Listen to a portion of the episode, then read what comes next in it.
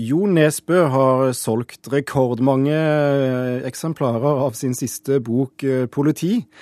Krimhelten eh, Harry Hole har ikke bare gjort forfatteren steinrik og forlag og lesere dåneferdig av begeistring.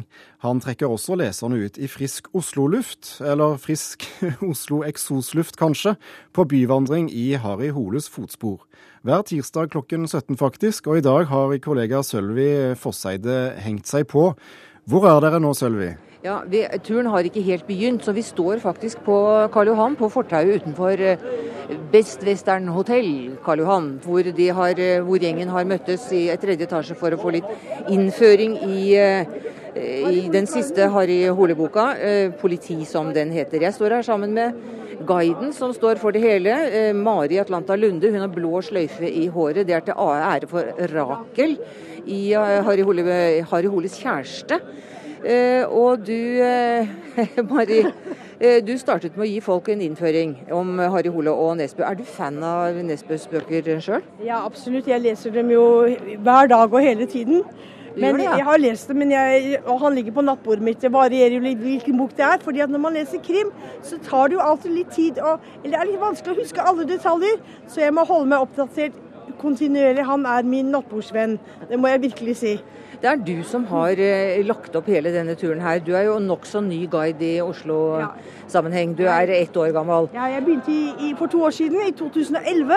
Og da eh, måtte jeg finne på noe nytt. Fordi at det var behov for tematurer. Nå er vi faktisk seks guider. Vi er guider for Oslo Guidebyrå. Og vi guider på norsk, engelsk, russisk og tysk. Jeg tar ikke alle språkene, men det er det vi kan tilby i øyeblikket. Men du tar norsk og engelsk i hvert fall, og så har du med deg svensker og dansker og andre, ja, ja, andre, forståelige folk. Hvordan har du valgt stoppestedene langs denne ruta du har lagt opp? Hvor, hvor mange stoppesteder? Hvordan har du valgt dem? Ja, altså Vi har jo lagt oss som en sentrumstur, så det, sånn at også den passer for de som ikke har lest bøkene.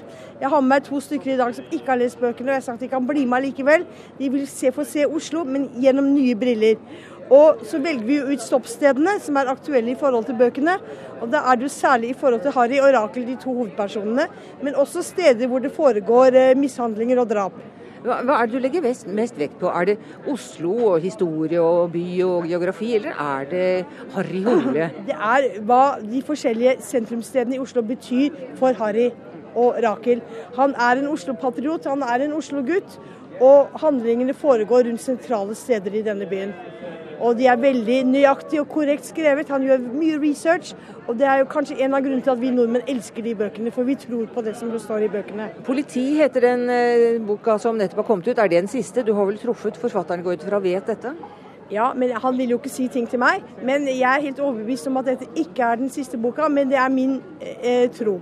Men jeg har hørt eh, rykter om at Rakel, som jeg trodde var ute av frågan for eh, eh, Harry Holes vedkommende, at var, hun vil ikke være kjæresten hans lenger, at hun er tilbake? Hun er tilbake, og jeg kan ikke fortelle alt, fordi vi må jo holde noe av spenningen for de som ikke har lest politi. Men hun er i kulissene, jeg lover deg. Fra bok tre til bok ti. Enten på scenen eller i kulissene. Ok, vi får glede oss til at vi får lest den. Takk skal du ha for at vi fikk denne praten, Mari Atlanta Lunde, guide. I like måte, og takk for at dere fremmer disse bøkene og turene. Og god tur, eh, kollega Sølvi Fosseide. Takk skal du ha.